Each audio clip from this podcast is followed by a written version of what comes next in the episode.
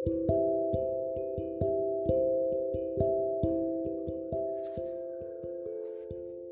awalnya mengira akan ke jenjang yang lebih serius. Ternyata saya salah paham.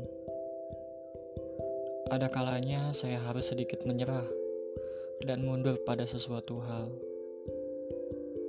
Karena menyerah bukan selalu berarti saya lemah atau lelah.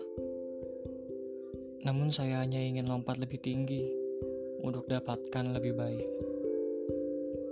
Saat ini, saya hanya ingin menjadi sosok yang ceria, berpikir positif, dan selalu memandang semua kisah dan cerita dengan keindahan. Iya, saya. Saya salah. Salah mengerti. Salah memahami. Salah mensikapi arti sikap kamu. Saya salah paham dengan saya sendiri, bukan salah paham dengan kamu.